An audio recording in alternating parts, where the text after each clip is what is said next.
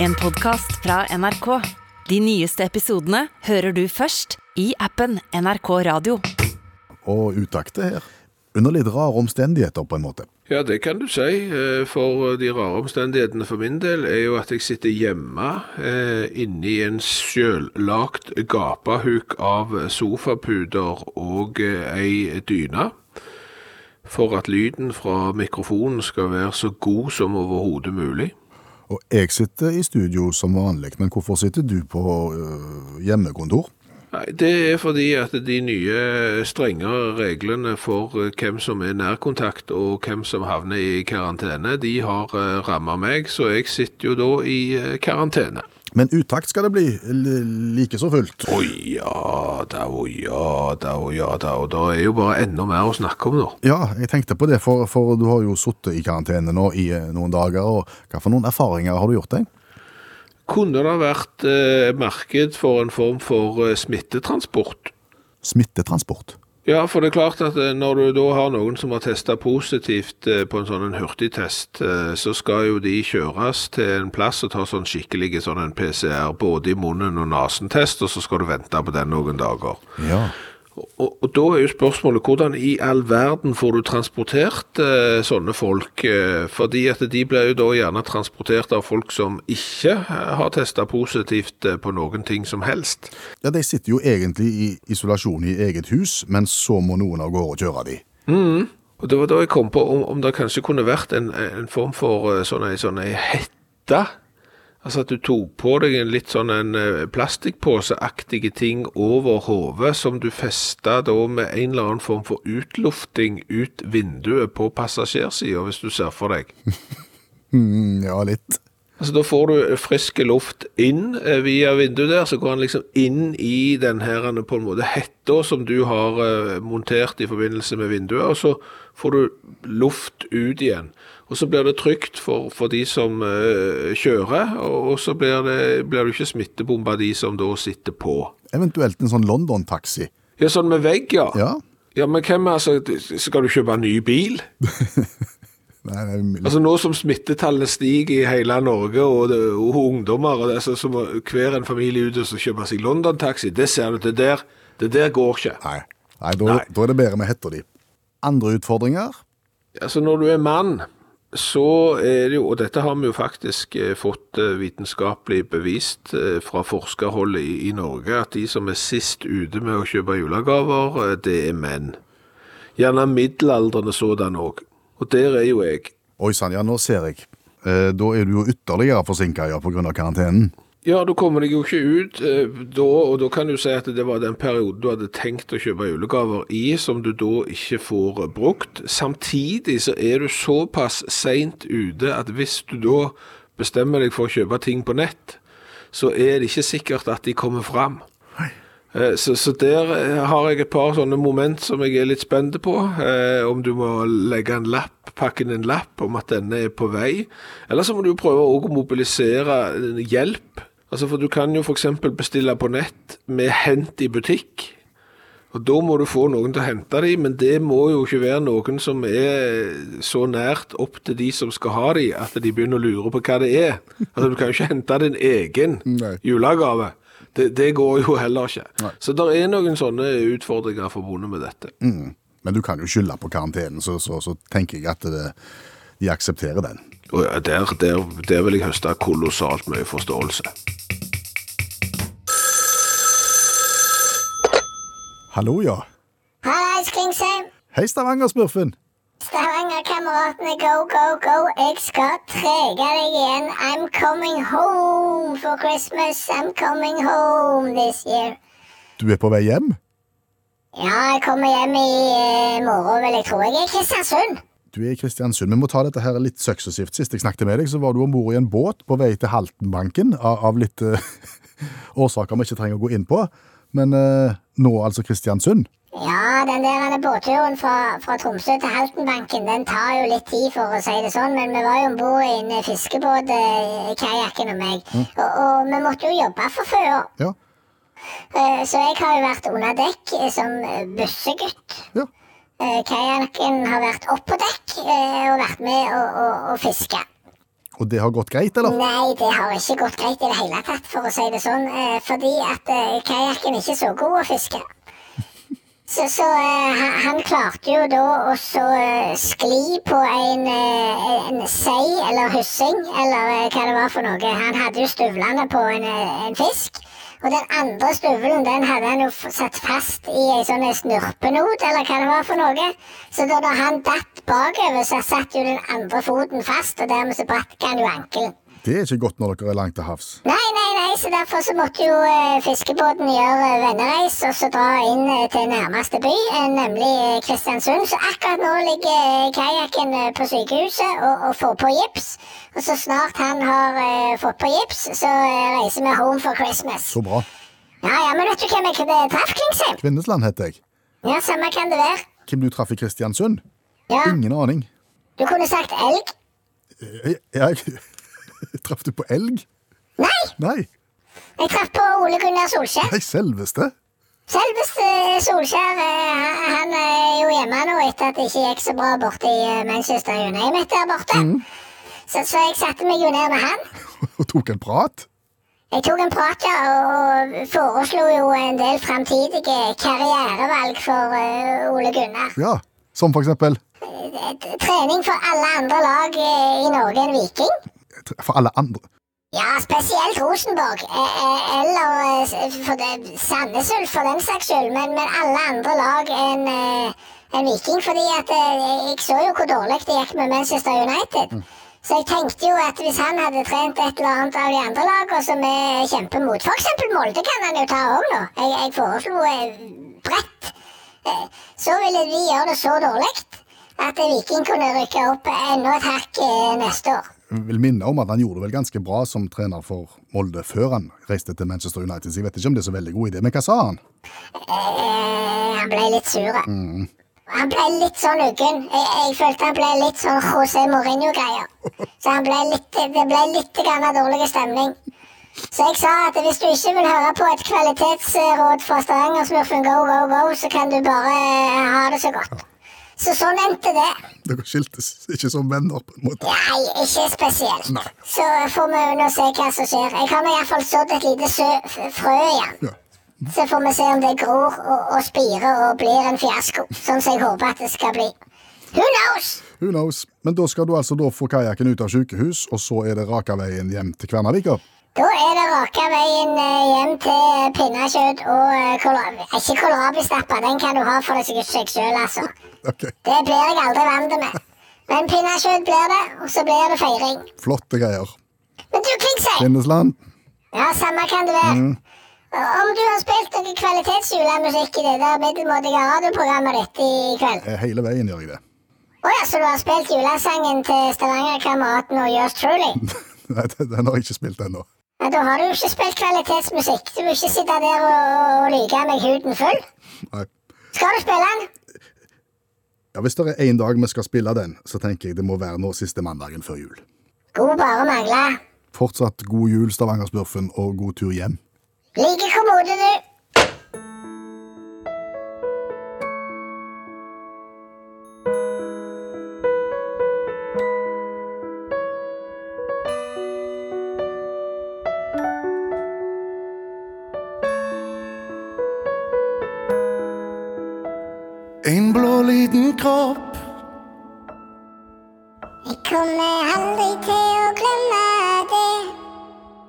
Han så stjerna så lyst opp. Men kanskje best å takke Gud for det. For både store og små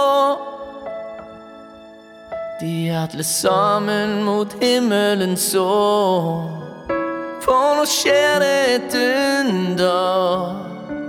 Ja, Viking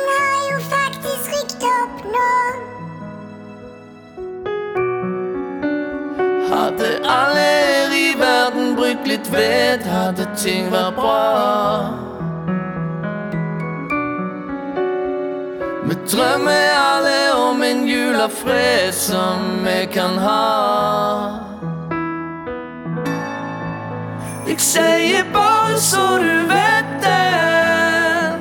Jeg har så sinnssyk Jeg ser England dale ned i skjul. Ja, bare så du vet det.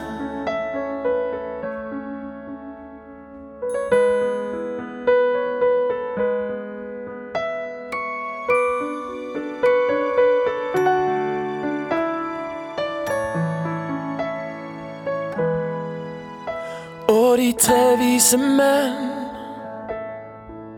Ja, de var veldig, veldig smarte, min venn. De fulgte stjerner mot stallen. Og livet ble aldri det samme igjen. Kan vi lære av dette?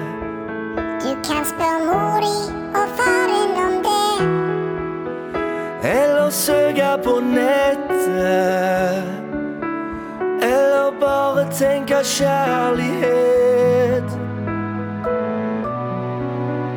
Hadde alle her i verden brukt litt vett, hadde ting vært bra. Vi drømmer alle om en jul av fred som vi kan ha. Jeg sier bare så du vet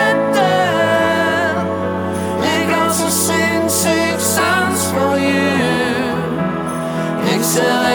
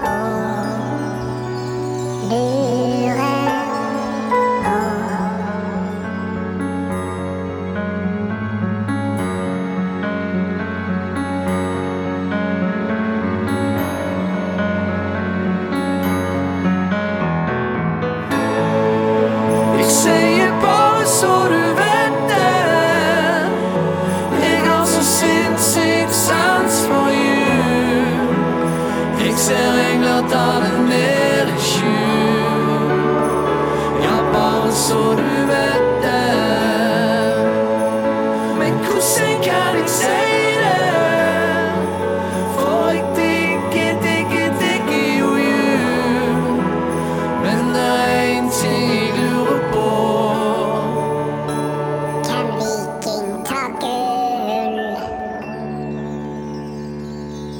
Stavanger-smurfen featuring Stavanger-kameratene.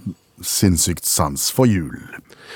Tidligere i dette programmet så har vi vært innom det faktum, det ubestridte faktum, at det er ganske dyrt å dø. Ja. Men så dukte det opp et alternativ her. Dette har gått fullstendig under radaren på meg iallfall, og jeg er sikker på det har gått under radaren din òg. Og det var Altså, det er jo byggesett. Bygg din egen kiste. Altså, gravplassen.no, er fagtidsskriftet for de som driver og begraver folk, har i slutten av november publisert en artikkel om at det nå er mulig å kjøpe kistebyggesett. Og det har ikke jeg fått med meg før nå. Ikke jeg heller. Kan du gå på, på OBS eller på Monter og, og si, føre de i kistebyggesett? Nei, nei, det er jo da en eh, Altså, det er Norgeskisten på Hurum. Eh, Og de er jo da i nabolaget av gamle Norske Skog, så jeg vet ikke om de har eh, et samarbeid der. Det er vel en stund siden de drev på Norske Skog der. Men de eh, tilbyr da eh, byggesett av, eh, av økonomimodellen Gran 2. Ok. Hva får, du med, hva får du med da? Ti deler, eh, ubehandla gran, eh, nødvendige skruer, låsepinner, gråpapir, treull og kisteklede medfølger også, og en enkel byggebeskrivelse. Eh, Men det står ingenting om dette er et rimeligere alternativ enn noe annet. Altså, det er jo økonomimodellen Gran 2 som her tilbys som byggesett. Og om det da er billigere enn å bare kjøpe økonomimodellen Gran 2 eh, ferdig montert, det står det ingenting om. Nei. Det det står noe om, eh, det er jo at eh, dette er et tilbud til de som vil eh, liksom, altså Dette skal øke mangfoldet innenfor eh, kister, for det at du kan dekorere den sjøl og lage den akkurat sånn som du vil. Oh, ja. Altså, kisten får et personlig uttrykk som speiler den avdøde, står det. Ja, ok, men, men når det er et byggesett, så er det vel grenser for på hvor mange måter det kan se ut, og vil vel alle byggesettene se like ut da? Nei, nei, nei, altså, for her kan den males og dekoreres Oh, ja. etter de pårørendes ønske. Sånn at eksempel da, eh, hvis jeg vil eh, bli begravd i eh, selvbyggermodellen Gran 2, så kan jo eksempel eh, du møte opp, og så kan du male coveret til Abacab-plata til Genesis eksempel på lokket. Det det hadde jeg satt pris på da. Ja, skjønner. Men spørsmål. Ja. Hvis du, du kan kjøpe et byggesett, hvis du da vet hva det byggesettet inneholder, da må det jo kunne være sånn at du kan gå og kjøpe plank for egen maskin òg, da. Altså ikke, ikke byggesett, men du kjøper noe tofir og noe, noe huntonitt, og så, så kan du gå i gang. Huntonitt. Nei, kanskje ikke huntonitt. Jeg, tror, nå må ikke du fremstå som om du er en sjølbygger, eh, Kvinnesland, for, for det er du ikke. Det- Jeg tror ikke du hadde avklart forhold til huntonitt engang. Har jeg vel? ok. Skal du ha Respatex òg? Nei, det skal du ikke ha. Nei. Altså det, det som jo Det er jeg litt usikker på, eh, fordi at den her eh, økonomimodellen Gran 2 selvbyggersettet, den er jo da ført opp på lista over SKU. Og er det en sånn en standard, kanskje? Standardiseringsutvalget for kister og urner. Eh, han finnes på den lista der over deres anbefalte modeller. Så, så jeg tror nok det er en viss form for, for standardisering. Du kan ikke bare komme med Respartex, sunt og he- Men det er klart at hvis han da er bare bygd i gran, så kan sikkert du gå på Biltema eller på Obsbygg eller noen andre plasser og så kjøpe hobbyplater som er 2,40 lange. Så, så er det nok eventuelt muligheter. Ja, men jeg tenker Det er jo litt stusslig hvis du, du står i, i boden og pusler med dette, og poden kommer ned og spør 'Pappa, hva er det du lager?' Ja, for, for det var jo mitt neste spørsmål her i, i forbindelse med dette. Altså, en sjølbyggerkiste, selv om det kanskje er litt sånn eh, plug and play som Ikea, vil jo ta litt tid. Og hvis du skal dekorere den òg, så vil det jo på en måte ta litt tid. Så, så du må jo være i forkant her. Nettopp. Og spørsmålet igjen er jo at hvis du vil at den skal eh, ha et særpreg som speiler den avdøde, så burde det jo strengt tatt vært den avdøde sjøl som dekorerte kista sånn som den ville. Og når jeg nevner coveret til, til Genesis Abacab der, altså jeg vil jo sjøl da lagd meg egen kiste. Ja, det er det jeg sier, og da må du i boden og pusle, og da er det litt stusslig å fortelle hva du holder på med. Ja, men du må jo være kolossalt i forkant òg, for du vet jo aldri om det er en dag i morgen eller ikke. Altså, Dette kan jo slå ned som lyn fra klar himmel. Og det er klart at hvis du da i t- 30-årsdagspresang ønsker deg byggesettmodellen Gran 2 fordi at du skal være i forkant, og så, og så vet vi jo alle det at det vi syns var tøft eh, for 20 år siden. Det syns vi jo ikke er tøft nå. Så dekorerer du ei kiste ut ifra Altså, vi kunne risikert å lage den i sånn 80-tallsgreier med, med, med sånn nettingmønster og skinnslips på og sånn. Og det er ikke like tøft hvis vi blir skikkelig gamle. Og så er vi da inne i den siste uka før jul, og det er jo nå på en måte mye kåres med bakgrunn i året som ligger bak. Det nærmer seg jo kavalkadetid aldeles nå. nå. Nå er det kavalkade for ditt, kavalkade for datt, og det som du sier, det er kåring av årets eh, Gjesdal-profil, det er kåring av eh, masse andre ting. Og da kaller vi da inn eh, allmennlærer med to vekttall i musikk, Olav Hove, for å kåre hva for noe? Ja, nei, eh, det er enkelte kåringer som ikke når mediene så lett. Iallfall ikke her på Berget. Og, og, og likevel så kan de være litt betydningsfulle i den forstand at de kan fortelle oss litt om den tiden vi lever i. Alt etter sånn. Men eh, vi skal til New Zealand og kåringen av årets fugl. Ja. Eh, der har jeg kåra det i, i desember. Overraskende stort engasjement. 58 000 stemmer kom inn. Fra 100 land, faktisk. Nøyaktig 100 land, som er oppsiktsvekkende. Ja. Men er dette årets fugl internasjonalt, eller er det årets fugl bare i Australia? Nei, bare New Zealand. Ikke i Australia engang. Ja, bare New Zealand. Ja, og Det er litt forvirring rundt det med Australia og New Zealand. Jeg skal komme tilbake til det. Men uansett, eh, det, eh, jeg tenker hvis jeg skulle deltatt i den, så har jeg jo ikke så jækla god greie på, eh, på fjærkre på New Zealand. Så da hadde da den her eh, organisasjonen som, som heter Forest and Birds, de hadde da lagt i lista. Og så vant da Pekka Pekka Toroa.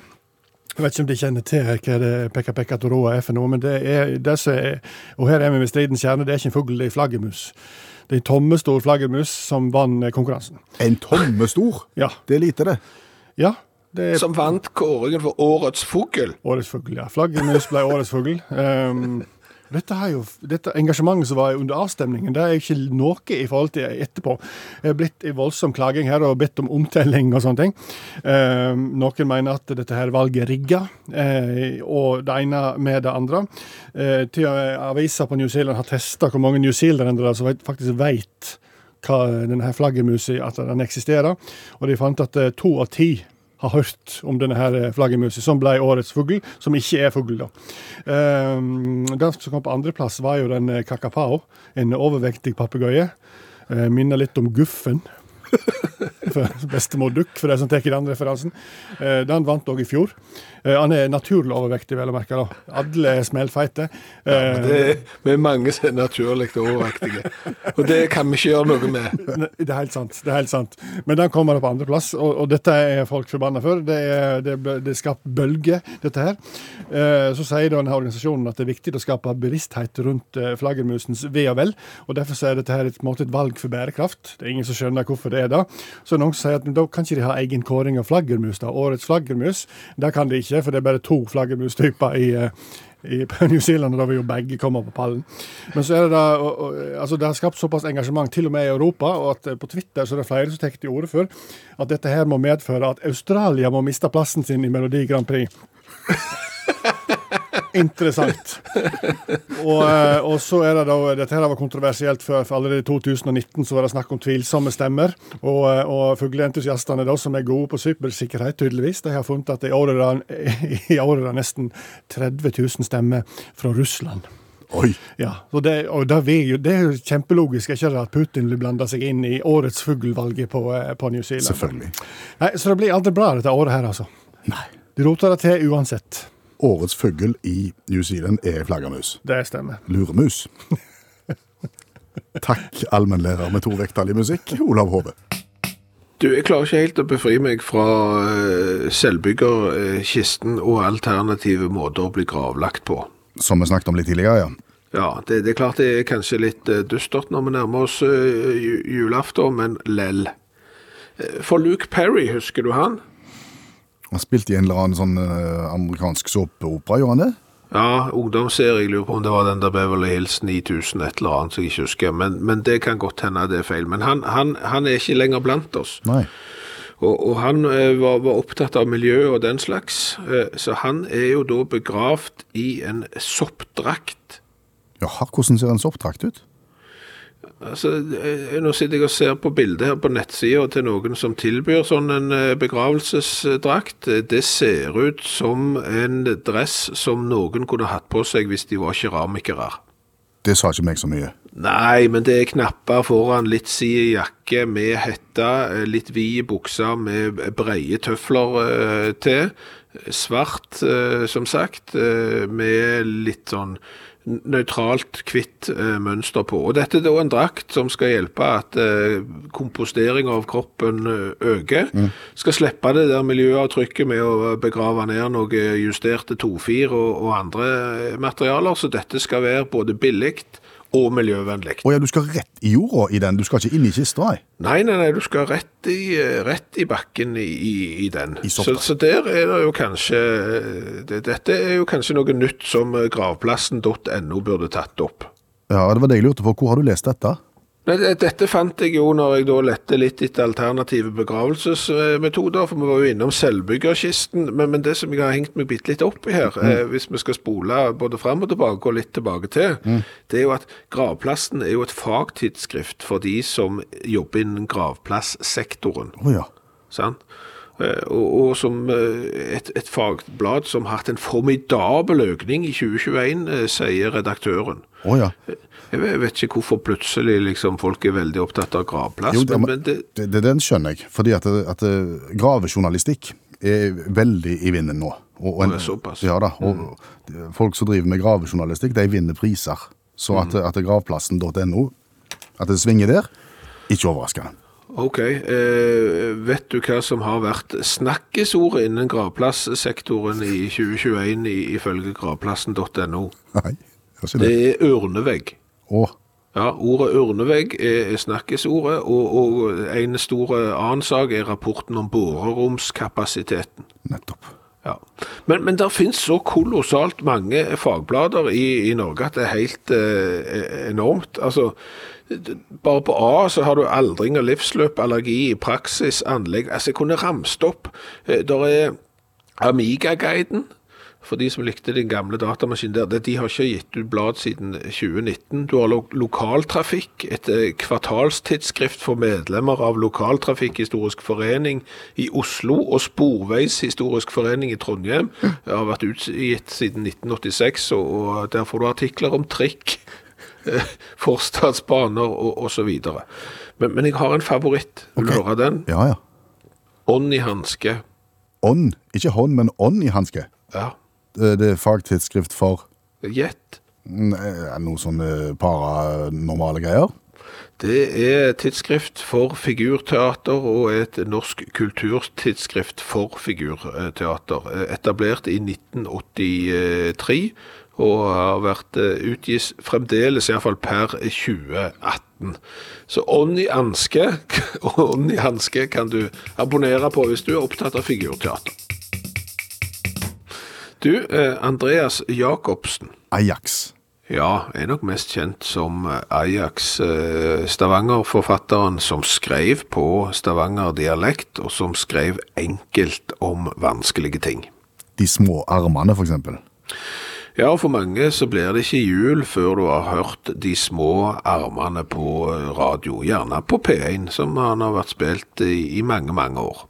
Og det handler om Johanna og han brormann. Og så vet jeg jo det at du skal være forsiktig med å, å tukle med arvegull som eh, Ajax og, og Johanna og, og broremann.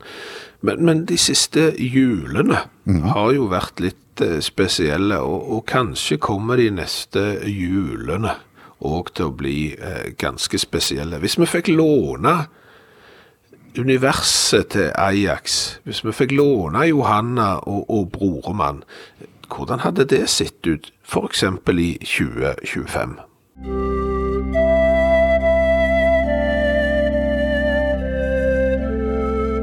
Det var elleve dager igjen til jul. Johanna og han broremann holdt på å pakke inn presangene.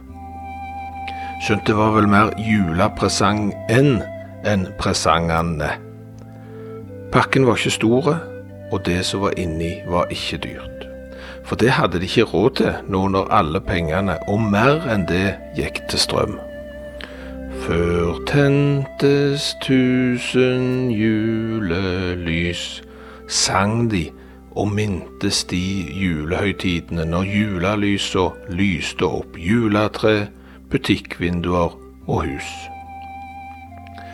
Adventstida i gamle dager, før noen hadde hørt om strømkabler til Danmark, Tyskland og England. Når strøm var noe alle hadde, både fattige og rike. Skru på lommelykta, maste han broremann. Jeg ser ikke hvor jeg skal knytte igjen sløyfa på pakken. Hun Johanna så strengt på han broremann, men han la ikke merke til det, for det var helt begmørkt. Ikke tull, sa Johanna. Du vet at resten av batteriet trenger vi til julaften, når han far skal lese juleevangeliet. Han broremann skjønte at hun hadde rett. Til hver et fattig hjerte send et lysstreif ifra sky, sang de så høyt som de kunne, og håpte at noen som styrte dette mørklagte, kalde landet, skulle høre de. Men det gjorde de selvfølgelig ikke. Tror du Lucia kommer? Han broremann skifta tema. Der er ingen som kommer, svarte Johanna fort. Mutasjon nummer 24 er nettopp kommet fra Sør-Korea, du vet at ingen kan og får lov til å gå ut på besøk. Sånn var det med den saken, og sånn var det med den saken i fjor, og året før det, og året før det, og sikkert året før det òg. Jeg tenkte ikke på Lucia i klassen, svarte broremann. Jeg tenkte på Sankta Lucia, hun som kom inn i mørke hus med tente lys. Santa Lucia. Hun Johanna slo ut med hånda. Du vet like godt som meg at det ikke kommer noen med lys. Lyset og varmen er for de rike og de i Sirdal kommune. Du husker vel hvordan det gikk med hun med svovelstikkene? Brormann grøssa. Det hadde han nesten glemt. Hvordan det var godt med hun som prøvde å få et glimt av lys og varme i jula. Tror du vi får varme grøt i år? Han brormann hørtes utålmodig ut, og han frøys i trekken fra vinduene. Den kalde vinden kom inn i rommet etter at de hadde vært nødt til å brenne opp vinduskarmen i peisen den dagen det var ekstremt kaldt. Jeg ville ikke gjort regning med det, svarte Johanna. Regjeringa skulle ha et hastemøte og se om de kunne gi folk litt strøm, men de trodde ikke de nådde det før jul. Og så er de travelt opptatt med å telle penger de har tjent på rekorddyre strøm og gass. Og så har de pressekonferanser om korona. Det er blitt en juletradisjon, akkurat som å synge jula inn. Brormann skjønte. Det ble ikke noe varmere og lysere i år heller. Nå skal du komme og sette deg ved sida av meg, sa Johanna. Så pakket hun opp pakken de nettopp hadde pakket inn. Tok ut telyset som lå i pakken, tente det med den siste fyrstikka de hadde igjen, og så sang de i kor. Da tenner moder alle lys, så ingen krok er mørk. Hun sier stjernen lyste så i hele verdens ørk. Hun sier at den lyser enn og slukner aldri ut. Og hvis den skinner på min vei, da kommer jeg til Gud.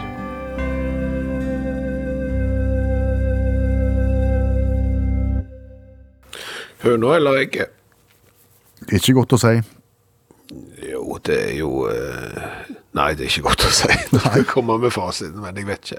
Men det er jo hva kom først, høna eller egget? Og hvis du nå, Per Øystein, eller du som hører på radioen, har lyst til å konkurrere mot deg sjøl i hva kom først, så er det flaks, for nå har du en gylden anledning. Skal vi gjøre oss klar for den, men da hadde vi kanskje trengt en vignett først? Det må vi ha. Let's go party down at the beach all day. Ja, det var den, ja. Ja, den er ikke god. Nei. Nei. Eh, Men vanner i det, eh, det betyr iallfall at vi er i gang med konkurransen eh, Hva kom først? I dag en konkurranse som spriker litt. Greit, begynn. OK. Charles Lindberg kjenner du til. Flygeren. Ja.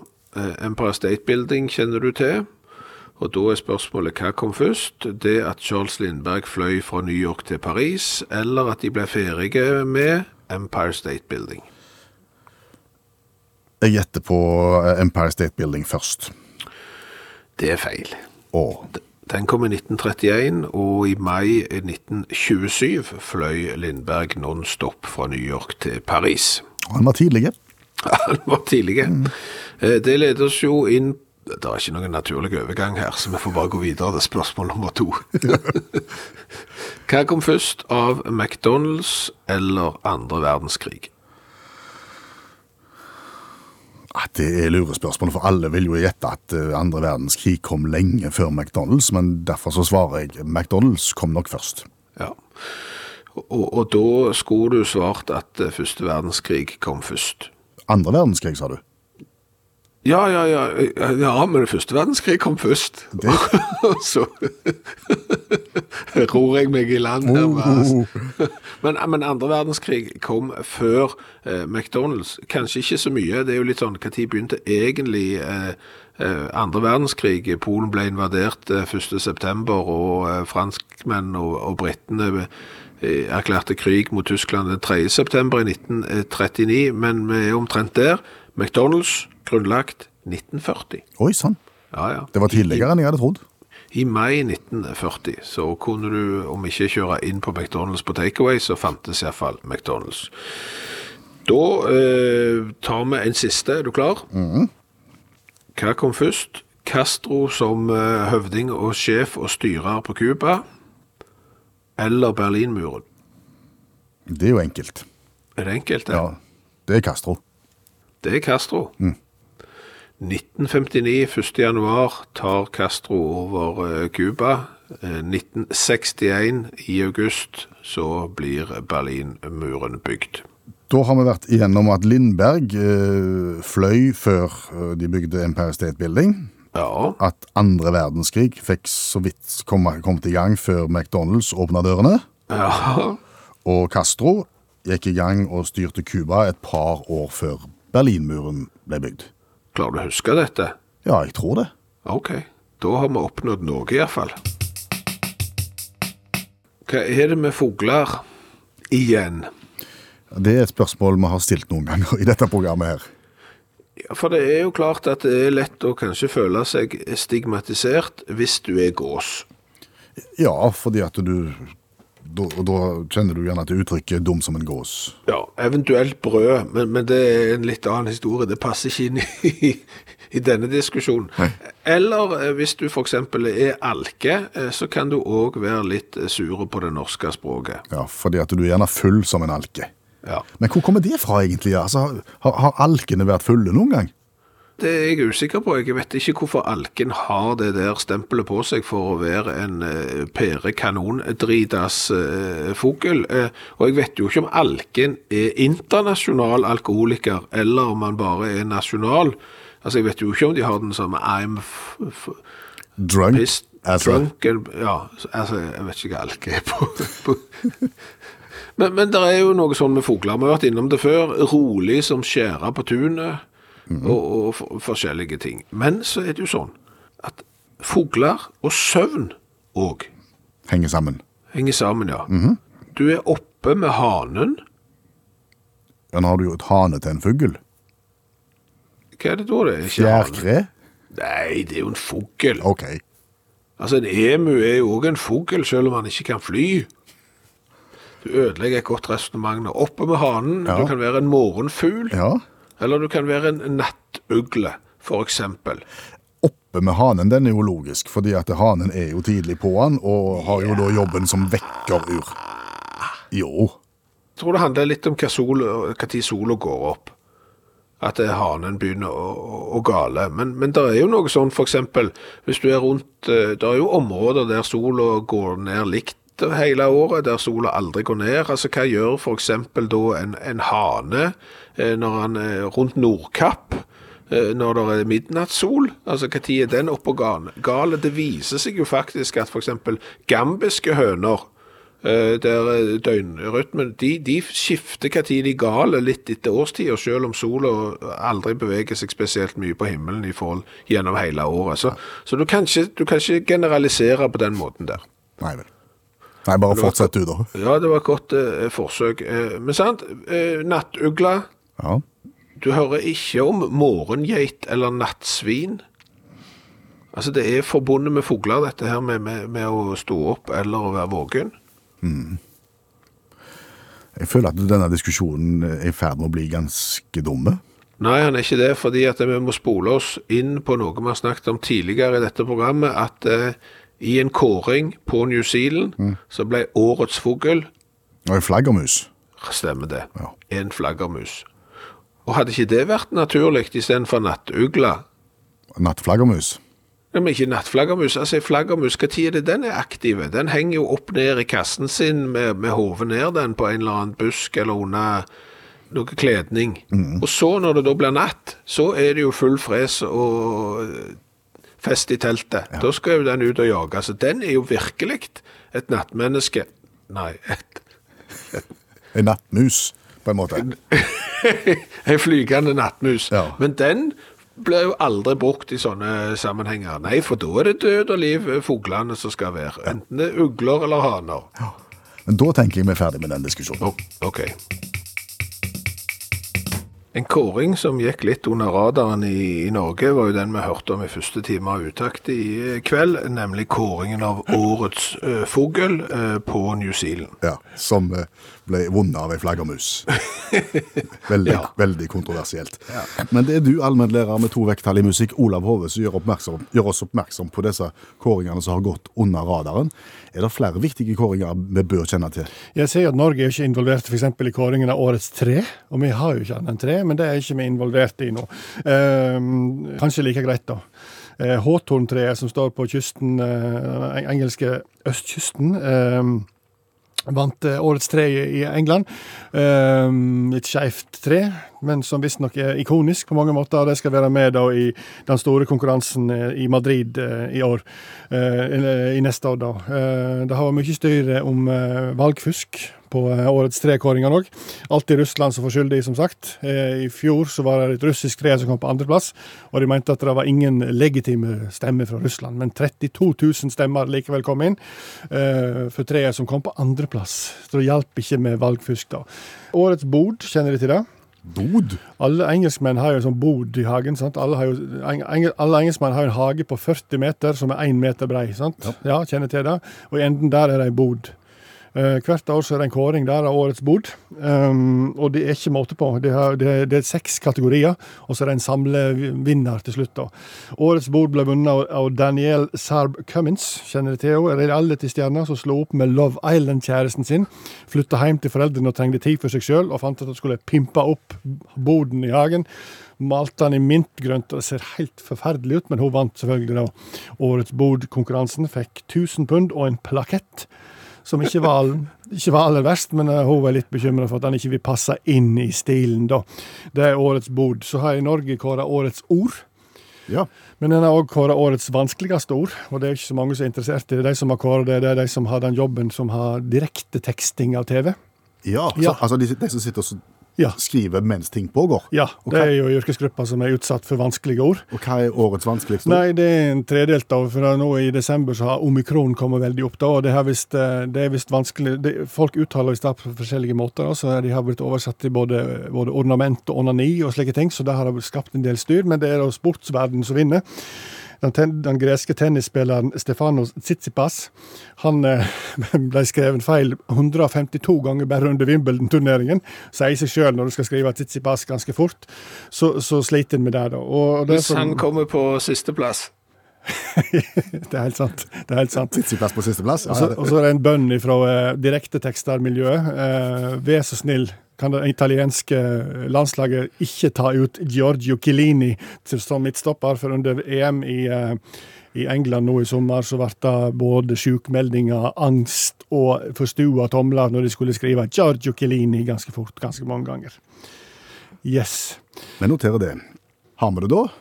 Ja, vi kan ta, det er jo alltid noen oppsummeringer eller noen sånn statusrapporter. Og på økonomisida så har jo denne her 12 Days of Christmas-kåringen kommet. Eller ikke kåringen, da, men indeksen, kaller jeg det. Det Ja, kan det er jo den der 12 Days of Christmas, my true love to me, en spurv og en fisk og Nei, sant, men de Ja, ja, får mange ting. Ja, Rapphøna er et pæretre er det første han gir til kjæresten sin, denne mannen. Og så gir han da noe hver dag i juli. Tolv dager på rad. Og uh, dette er det da økonomiske eksperter som eh, har regna ut hvor mye det koster. Ja. Ja. Hva ville 12 Days of Christmas ha kosta i 2021? Ja, Det kommer litt an på, vet du, fordi at han blir gjentatt og gjentatt, denne sangen. da, så denne, her, rapphøna i et pæretre, det får han jo hver dag. Tolv ganger på rad. Så det er en hel hage du kan søke om tilskudd for å få alt det der Så hvis du skal kjøpe én av hver, så vil det koste deg 410 000 da, til kjæresten. Men skal du kjøpe like mye som de nevner opp i, eh, i sangen, så vil det koste deg 1,8 millioner kroner for å gi kjæresten din den oppmerksomheten hun fortjener i juli. Når det er sagt, så vil innbefatte jo det 178 fugler. Ja. Og deriblant rundt 50 gås. Og alle vet jo at ei gås er en fulltidsjobb for én mann. Eh, Takk skal du ha, allmennlærer med to vekttall i musikk, Olav Hove. Jeg må bare spørre deg avslutningsvis. eh, Har du problemer der ute med, med, med jula og juli? Ja, at juli og juli er det samme. Vi, tenker vi du på? snakker om jula, Ja, vi gjør det. mm, ikke juli. Du, Ja. Eh, vi har passert punktet i sendinga der vi har testa cola. Normalt sett. Ja, men den observante lytter har nok sikkert oppdaget at eh, det har vi ikke gjort i kveld. Nei, og det har jo sin eh, naturlige forklaring, fordi jeg sitter hjemme i eh, loftstua i nærkontaktkarantene. Frisk og fin er jeg, men eh, problemet er jo at det er du som har colaen på kontoret. Jeg har et kjøleskap fullt av cola, men vi har jo bare én av hver. Så en eh, testing nå i kveld, der både du og meg skal få smake, det blir vrient. Ja, og det er klart at vi må være eh, såpass ærlige og si at skal vi være eh, gi karakter, skal vi gi de ulike colaene en fair sjanse, så, så nytter det ikke at bare én tester og den andre sitter i andre enden og hører på. Ja, Vi leker jo ikke colatesting. Å nei, å nei. Så, så, så derfor så får vi utsette dette til alle mann alle er på dekk, eh, tilbake i studio, og så, så får vi gi colaen en fair sjanse. Så vil det vise seg da om uttakt eh, neste mandag, altså på tredje juledag, om ting er tilbake i hakk da, eller om vi må vente ytterligere ei, ei uke før vi får gå løs på neste kola. Den som venter på noe godt, eventuelt den som venter på noe vondt, for det finnes det også mye av i colaverden, den får se. Hvis du hører en setning som inneholder ordet midt på lyse dagen, Ja, hva har da skjedd? Midt på lyse dagen. Ja. Da, da har det skjedd et eller annet dramatisk. For det, det skjedde midt på lyse dagen. Altså det, det var noe som egentlig ikke skulle ha skjedd, men det skjedde likevel, og det skjedde midt på lyse dagen. Ja, jeg føler også at det alltid skjer noe galt hvis eh, setningen inneholder midt på, på lyse dagen. Ja. Det er jo ikke sånn at nei, vet du hva, vi gikk ut på stranden midt på lyse dagen. Det var kjekt. Vi spilte fotballkamp midt på lyse dagen. Det, det, det som du sier, det er alltid noe eh, galt som, som skjer eh, midt på lyse eh, dagen. Hvor, hvorfor er det sånn? For å markere at det skjedde, at det var såpass uvanlig, at det, og at det i hele tatt kunne skje eh, midt på lyse dagen. Jo, men da har du allerede implisert at eksempel hvis du skal bli slått ned, for det, det, det er det jo ofte, altså han ble slått ned midt på lysedagen, Ja. Så er det jo sånn at nei, skal du bli slått ned, ja, da skal du bli slått ned på kveldstid og nattestid. Ja, det er jo mer, det er mer vanlig. Ja, ja Det er det, det. er mer, det er jo mer vanlig, for da har jo folk eh, Altså, de har sittet hjemme og øvd først, Ja. og så har de gått ut på byen, og så har det blitt skikkelig eh, gale, og så har de slått ned noen, ikke midt på lysedagen, men, men på kvelden. Ja, for Sjansen for å bli tatt er jo mye større hvis du gjør det midt på lyse dagen. Så Derfor er det mer oppsiktsvekkende. Ja, men eksempel innbrudd da. Ja. Det er jo også sånn, eh, innbrudd midt på lysedagen. Ja. Eh, Jeg vil jo si at sjansen for å bli tatt eh, for innbrudd er mindre midt på lysedagen enn eh, midt på lysenatten. ja, fordi på natten er du hjemme, midt på lyse dagen så er du på jobb, eksempel. Ja, Mm. nå har ikke jeg prøvd meg som innbruddstyv, men, men jeg vil, eh, vil tippe at hvis vi da skulle satt oss ned og diskutert det i forbryterlaget vårt, hvis vi skulle lagd et, så, så ville jeg foreslått innbrudd midt på lysedagen. Ja. Dette var nok en diskusjon som på en måte stopper på et visst punkt, kjenner jeg. Ja, men, men jeg tipper jo det at neste gang eh, du som nå hører på utakt, eh, leser en sak i avisa der det står 'midt på lysedagen', så kommer du på denne diskusjonen, og så tenker du ja, der har du det. Midt på lyse dagen. Det er ikke for seint å oppklare noe, det er det. Aldri for sent å oppklare noe. Nei, fordi at eh, tidligere i dette programmet, jeg klarer ikke å huske hva tid, men det er mange år siden, så diskuterte vi jo den litt rare feiringsformen eh, skyting i luft. Ja. Dette at eh, en i pur glede går ut og så skyter bang, bang, bang opp i lufta. Ja, og, og det kan jo være eksempel hvis en eh, despot har eh, falt. Eh, da kan det feires eh, med, skyting i luft, eh, og det er kanskje litt mer eh, naturlig eh, feiring. Altså hvis vi først skal skyte i luft, eh, når da eksempel en eh, lokal milits eller noe skyter i luften, fordi despoten har falt, så, så virker det kanskje litt mer naturlig enn at eh, hipp hipp hurra, eh, bror min har gifta seg eh, med drømmedama, vi går ut og skyter i lufta. Mm, men det siste er ikke så vanlig. Jo. Jo, jo, jo. Altså, bryllupsfeiring eh, det avsluttes gjerne med, med gå ut og skyte i lufta. Hvor er du i verden da, eksempel? Du, du, er ja, du er i de samme landene der folk går ut og skyter i lufta når despoten har eh, falt, eh, eller i Serbia. Eventuelt Serbia, ja. Ja, fordi at når vi diskuterte dette, ja. så var jo det vi lurte på, har dette gått galt noen gang? Du, altså, du skyter jo ei kule opp i lufta, den må jo komme ned igjen, og har det på en måte ført til skade? Vi klarte ikke å finne noe. Men vet vi at de skyter med, med skarpt? Det er ikke bare løskrutt som bare smeller? Nei, det er skarpt. Oi, sånn. Ja, ja, ja. Men nå har jeg, og det er derfor jeg lurer på om det er for seint å, å komme til bordet med, med et svar. Og, og du har funnet en konsekvens på skyting i luft. Ja. Det er ganske lenge siden. Det er 12. oktober 2003 at BBC eh, kan fortelle det at i forbindelse med et eh, bryllup i eh, Serbia, når da bryllupsfølge og, gjester var ute og feira bryllup med skyting i luft, mm. ja. så gikk det galt.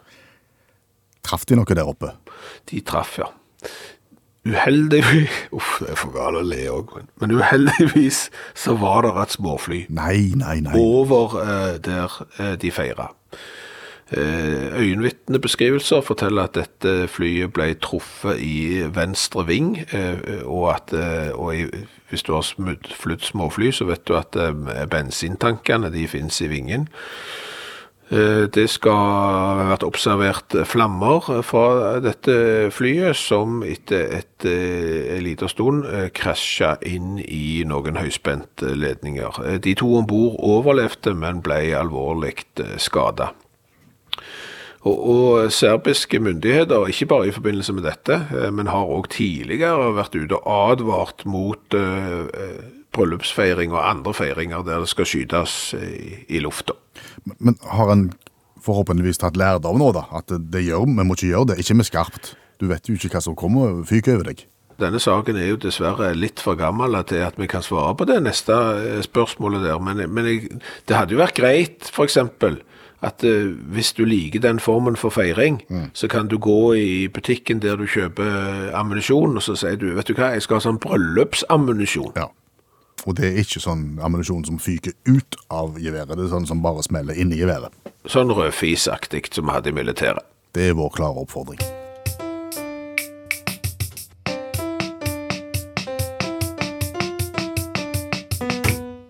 Nå er det på tide med litt RFR. RFR, rett og slett. RFR, ja. For RFR står for Realfagsradio. Hjertelig velkommen til Realfagsradioen nå når klokka begynner å nærme seg midnatt en mandagskveld. Ja, vi har jo tidligere hatt litt eh, realfagsradio med kjemiinnhold. Spørsmålet er jo om vi kan ha litt realfagsradio med matematikk. Det bør være, ha, ha høy underholdningsverdi, ellers er det meningsløst. 54 er det delt med 3? Det klarer jeg ikke i hodet. Nei, der ser du. Det klarer du ikke i hodet, nei. Nei. Nei, da bør du høre på Uttakts RFR, realfagsradio, for da kan jeg lett hjelpe deg. Har, har du ikke gått rundt og så tenkt på, liksom, når du ser et tall, og så har du lurt på, lurer på om det er delig med tre? Skal jeg være helt ærlig med deg nå? Ja. Svaret er nei. Det er ikke noe en går rundt og tenker på om. Nei, men, men du har, for det sånn, du er i stand til å så se om et tall er delig med to? Ja, det er enkelt. Hvordan da? Nei, det bare ligger inni hodet mitt på et vis. Det er par, partallsgreier. Ja, så hvis det slutter på 0, 2, 4, 6, 8, for eksempel, så er det delig med 2 uansett. Ja. Men det hjelper deg jo ikke når du skal finne ut om det er delig med 3. Nei, nei, nei. Men det aner meg at du skal gi oss en liten sånn en huskeregel nå, som skal hjelpe oss til å se opp tallet delig med tre. Ja, jeg skal det, fordi at eh, hvis du lurer på 54, om det er delig med 3, så lurer du i hvert fall på om 4374 er delig med 3. Har ikke nubbsjans. Nei. Og 54, Ja. altså tversum, har du kontroll på tversum? Ja, da summerer du uh, sifrene. Ja, altså 54, det er jo, er jo tverrsummen 9, for du tar 5 pluss 4. 9 er det delig med 3. Ja, det er lett. Ja. 9 delt på 3 er Det er tre. 54 er da delt med 3. Og ja, fordi at tversummen er delig på tre. Er det alltid sånn? Alltid sånn, og da, hvis du da tar 4374, så er tversummen 18. Det er òg delt med 3. Ja. Og sånn kan du fortsette. Kan du da tenke at 18, hvis du syns det var litt vrient, så kan du ta tversummen av det òg, og si at det var 1 pluss 8, altså med 9, som igjen er delt på 3? Ja. Og da kan du eh, holde på en stund, og så kan du kose deg med 199 530 329 for eksempel. Som er delig med 3. Og det var dagens RFR, RFR. realfagsradio. Ja, og da allerede er det snart slutt. Vi må spørre hva har vi lært i kveld? Jeg har lært eh, ganske mye. Eh, Jeg har jo lært at det er utfordringer eh, inn mot jul i det å sitte i nærkontaktkarantene. F.eks. Hvis du er, som mannfolk flest, sent ute med julepresangene, og så får du gjerne ei uke eller ti dager med nærkontaktkarantene på toppen. Da blir det aldeles siste liten og vel så det. Ja, og det er jo den situasjonen du opplever akkurat nå. Du slipper vel kanskje ut på onsdag hvis eh, testene står deg bi. Ja, ja, jeg er frisk som en fisk og har ikke testet positivt på noen ting som helst. Så har vi lært at det finnes faktisk byggesett på egen kiste. Dette var vi ikke klar over før eh, gravplassen.no, eh, fagtidsskriftet til gravplassektoren, eh, skrev om dette den 29. januar i år. Dette er en sak som har gått oss hus forbi, så her kan du lage din egen kiste og dekorere den akkurat sånn som du vil. Hvis du ikke går for soppdrakt. Soppdrakt eh, finnes òg, gjerne ikke så utbredt i Norge ennå, men det er et økologisk alternativ, det å bli begravd i en eh, soppdrakt. Eh, så har lært det at New Zealands eh, mest populære fugl i 2021 Flagg. var Ei flaggermus. Veldig omstridt eh, avstemning der, men eh, det endte altså med, med flaggermus, og en litt sånn fyldig fuglesak. Endte på en fin, fin andreplass. Ja, det er jo litt eh, rart, og noen mente at dette valget var rigga, og at det igjen var russerne som sto bak. Så har vi jo lært, eh, og dette kan jeg jo spørre deg noe allerede om, for dette har jo du lært, eh, hva kom først av eh, kryssingen av eh, Atlanterhavet i fly eller Empire State Building? Det var krysningen av eh, Atlanterhavet i fly med Mr. Lindberg. Ja, og så har vi lært det at hvis det skjer noe midt på lyse dagen, så skjer det alltid noe galt. Ja, det skjer aldri noe helt vanlig midt på lyse dagen. Nei, så har vi lært at når noen er ute og skyter med pistol og maskingevær i lufta for å feire, så kan det faktisk gå galt. I Serbia ble et småfly skutt ned etter en bryllupsfeiring. Og så er vi vel litt usikre på om RFR er god radio. Du tenker realfagsradioen. Ja, Jeg har iallfall lært hva at uh, hvis du skal finne ut om et tall er delt med 3, så tar du bare tverrsummen av tallet. Altså eksempel eh, 18, så tar du 1 pluss 8, som er 9. Og det vet du er del- delelig på 3, og da vet du at også 18 er delelig på 3. ikke si du ikke lærer noe av dette programmet her. På ingen måte. Per Øystein Kvindesland heter jeg. Bjørn Lars Skjævland heter jeg. En podkast fra NRK. De nyeste episodene hører du først i appen NRK Radio.